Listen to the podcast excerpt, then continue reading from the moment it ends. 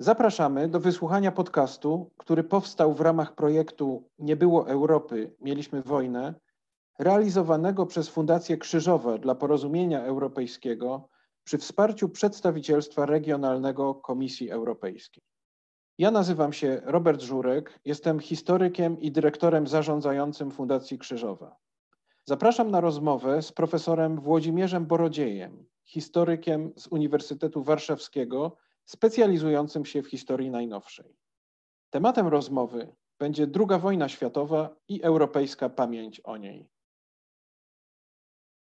Panie profesorze, na ile i jak II wojna światowa wpłynęła na rozwój Europy? Na ile zmieniła nasz kontynent i jego mieszkańców?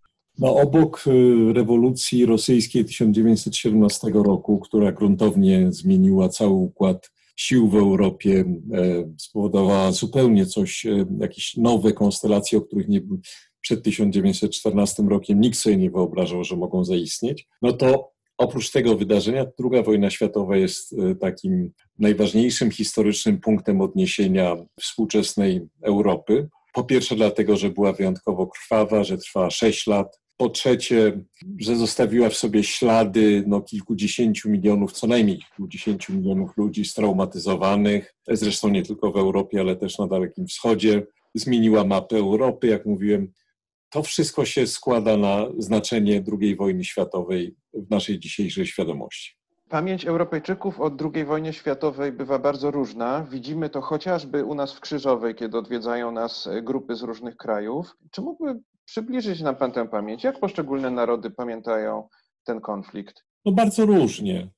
Zaczynając od Polski, to jest y, w miarę dla nas wszystkich łatwe, to jest 1 września jako symboliczna data. Dla Brytyjczyków i Francuzów y, data wypowiedzenia wojny y, Niemcom, czyli 3 września, nie odgrywa żadnej roli. Z kolei dla Rosjan y, początek wojny to nie jest tam 17 września, jak nam się wydaje, tylko 22 czerwca 1941 roku, czyli atak Hitlera na Związek Radziecki. No, dla Stanów Zjednoczonych to oczywiście będzie Pearl Harbor. Dla szeregu krajów europejskich, które były neutralne w II wojnie światowej, nie ma takiej daty.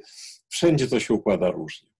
Dla nas szczególnie ważna jest pamięć naszych sąsiadów, Rosji i Niemiec. Czy mógłby Pan jakoś bliżej y, ją scharakteryzować? Ja może zacznę od y, elementu, o którym zapomniałem, że dla Czechów II wojna światowa w gruncie rzeczy zaczyna się w marcu 1939 roku albo jeszcze wcześniej w Monachium y, jesienią 1938. Teraz jeśli chodzi o pamięć naszych dwóch dużych sąsiadów, no to jest tak, że z punktu widzenia niemieckiego oczywiście czyni się wiele wysiłków, żeby pamiętać o tym, że jednak wojna się zaczęła 1 września najazdem czy napaścią Wehrmachtu na III Rzeszy na Polskę.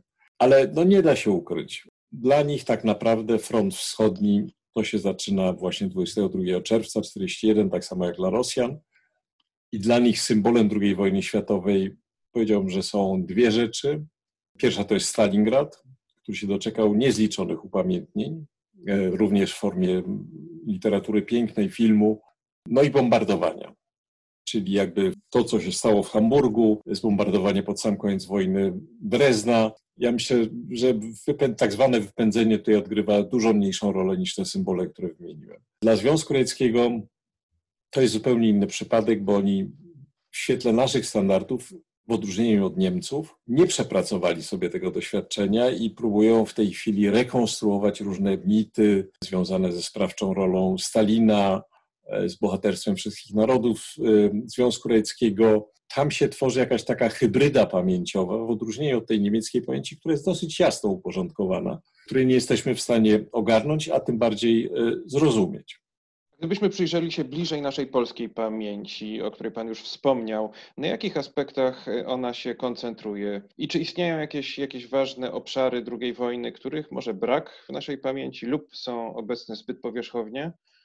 No ja może zacznę od tego drugiego, że takich obszarów jest mnóstwo, ale to jest absolutnie naturalne, że również Duńczycy, Włosi mają zupełnie inne punkty odniesienia, inną pamięć o tych wydarzeniach no i w związku z tym te ich wydarzenia narodowe czy też lokalne odgrywają dużo większą rolę niż jakiekolwiek inne. No i tak samo jest w wypadku Polski, że dla nas II wojna światowa to jest tak z grubsza mówiąc 1 września 1939, Potem chyba dopiero, jeżeli w ogóle to powstanie w getcie w kwietniu 43, powstanie warszawskie. No i potem chyba już 9, 8, 9 maja, czyli koniec wojny. No i nie sądzę, żeby wbrew temu, co sądzą Niemcy, świadomość tego, co się zdarzyło w tych dniach, o których, które przed chwilą wymieniłem, była tak bardzo powszechna. Niemcy żyją takim mitem, że Polacy są e, niezwykle świadomi historycznie, czyli wiedzą znacznie więcej od nich i to jest nieprawda. A kiedy pan tak patrzy na naszą polską pamięć, to czego panu tam szczególnie brakuje? O czym wypadałoby pamiętać, żebyśmy byli lepszym społeczeństwem, mądrzejszym po tych historycznych doświadczeniach? No myślę, że tutaj e, kluczowy jest, e, jako najlepszy przykład może służyć Muzeum II wojny światowej w Gdańsku, bo to była po pierwsze w tym pierwotnym kształcie ekipy profesora Machcewicza, to była wystawa o II wojnie światowej. Polska oczywiście, że odgrywała tam dużą rolę, ale to była wystawa o II wojnie światowej. Wystawa z takim wydźwiękiem, powiedziałbym, bardzo mocno pacyfistycznym. Nie tylko, że nigdy więcej wojny, bo to, to się wydaje oczywiste, chociaż dla wielu naszych rodaków nie jest oczywiste, ale czymś więcej, że II wojna światowa jest przede wszystkim wojną ludności cywilnej, która ginie, której ginie nieporównywalnie więcej niż żołnierzy na frontach. I to są te rzeczy, które myślę, że w polskiej, jeżeli w ogóle można mówić o polskiej świadomości, bo ja nie bardzo wierzę sondażom, to to są takie rzeczy, ten Polska jako element wojny światowej i cierpienia ludności cywilnej to są rzeczy bardzo niedoszacowane. Czego wynika to, że nie myślimy o tych rzeczach, mimo że niezwykle mocno nas przecież dotknęły? No bo my myślimy w kategoriach, żeby to znowu połączyć, myślimy w kategoriach martyrologii że byliśmy szczególnie poszkodowani, że Niemcy nas, co jest prawdą, nas napadli jako pierwszych, czy naszych przodków raczej.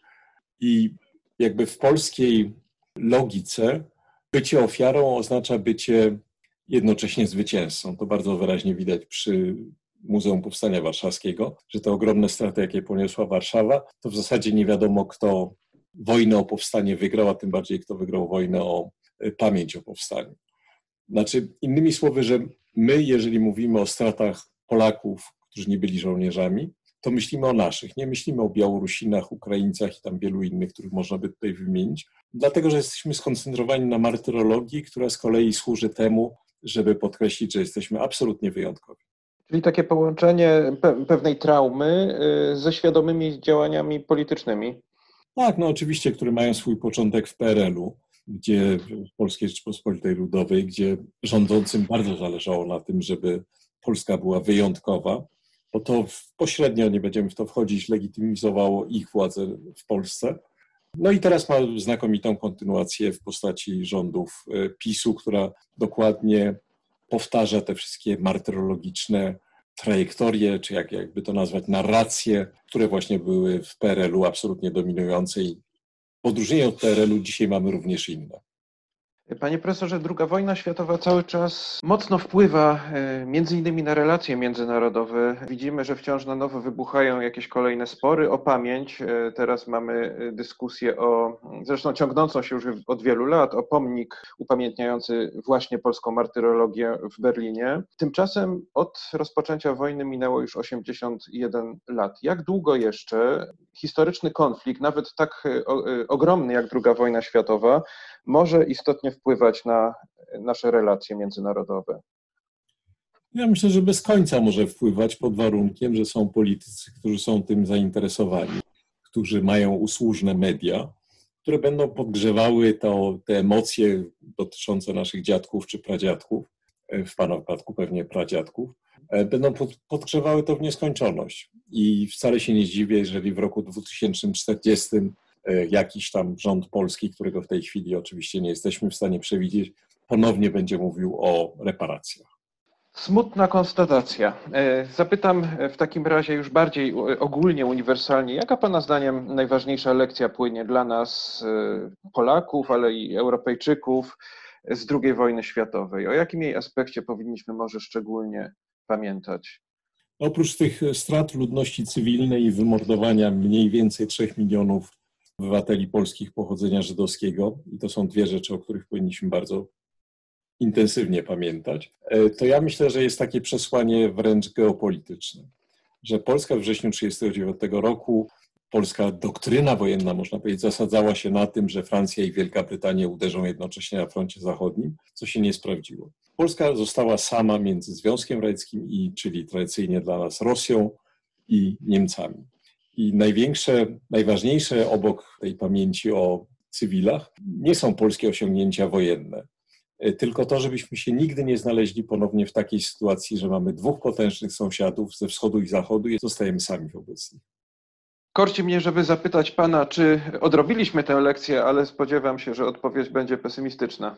E, oczywiście. To znaczy, ja myślę, że gdyby w tej chwili większości Polaków, ale to jest moja spekulacja, zadać pytanie, czy prawdziwe jest zdanie, opinia, czy wręcz aksjom, Polska leży między Niemcami a Rosją które oczywiście w sensie geograficznym ma jakiś sens, chociaż to sąsiedztwo z Rosją jest bardzo umowne, bo dopiero w gruncie rzeczy od czasu powstania obwodu kaliningradzkiego sąsiadujemy z Rosją bezpośrednio. To gdyby ich spytać o to w sensie geopolitycznym, czy to w dalszym ciągu jest tak, że Polska jest zagrożona z dwóch stron, to ja myślę, że spora część instynktownie by odpowiedziała, że tak, jesteśmy w dalszym ciągu zagrożeni ze wschodu i z zachodu, w ogóle nie przyjmując do wiadomości, że jesteśmy w NATO, jesteśmy w Unii Europejskiej, Niemcy są naszym najważniejszym partnerem. Jeśli pan pozwoli, to na koniec wróciłbym jeszcze do, mm, do pamięci o wojnie i to do pamięci polskiej i niemieckiej. Ona e, ciągle się różni, ale inaczej niż w przypadku Rosji. Widzimy, że od wielu lat następuje tu pewne zbliżenie. Może ten proces wyhamował w ostatnich latach, ale niewątpliwie e, począwszy od lat 90.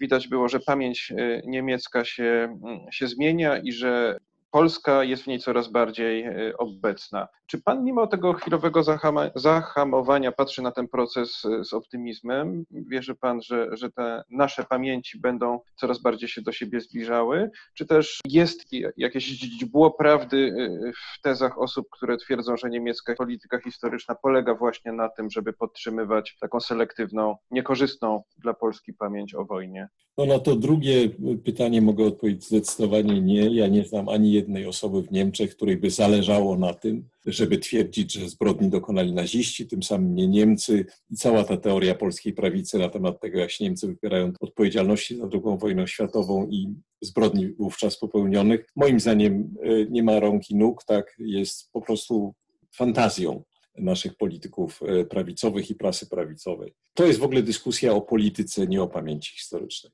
Natomiast to zbliżanie się pamięci to ma swoje granice. Ona oczywiście, że w ramach e, tak zwanej politycznej poprawności to każdy polityk niemiecki, który przyjeżdża do Warszawy, najpierw opowie o tym, jak Niemcy były winne, jak wiele zbrodni e, idzie na ich konto w czasie w latach 39-45. Natomiast zawsze ta niemiecka pamięć jednak pozostanie właśnie, jak mówiłem, przy Stalingradzie i przy innych miejscach pamięci niż Polska. Jakiemu Niemcowi co, cokolwiek mówi Westerplatte?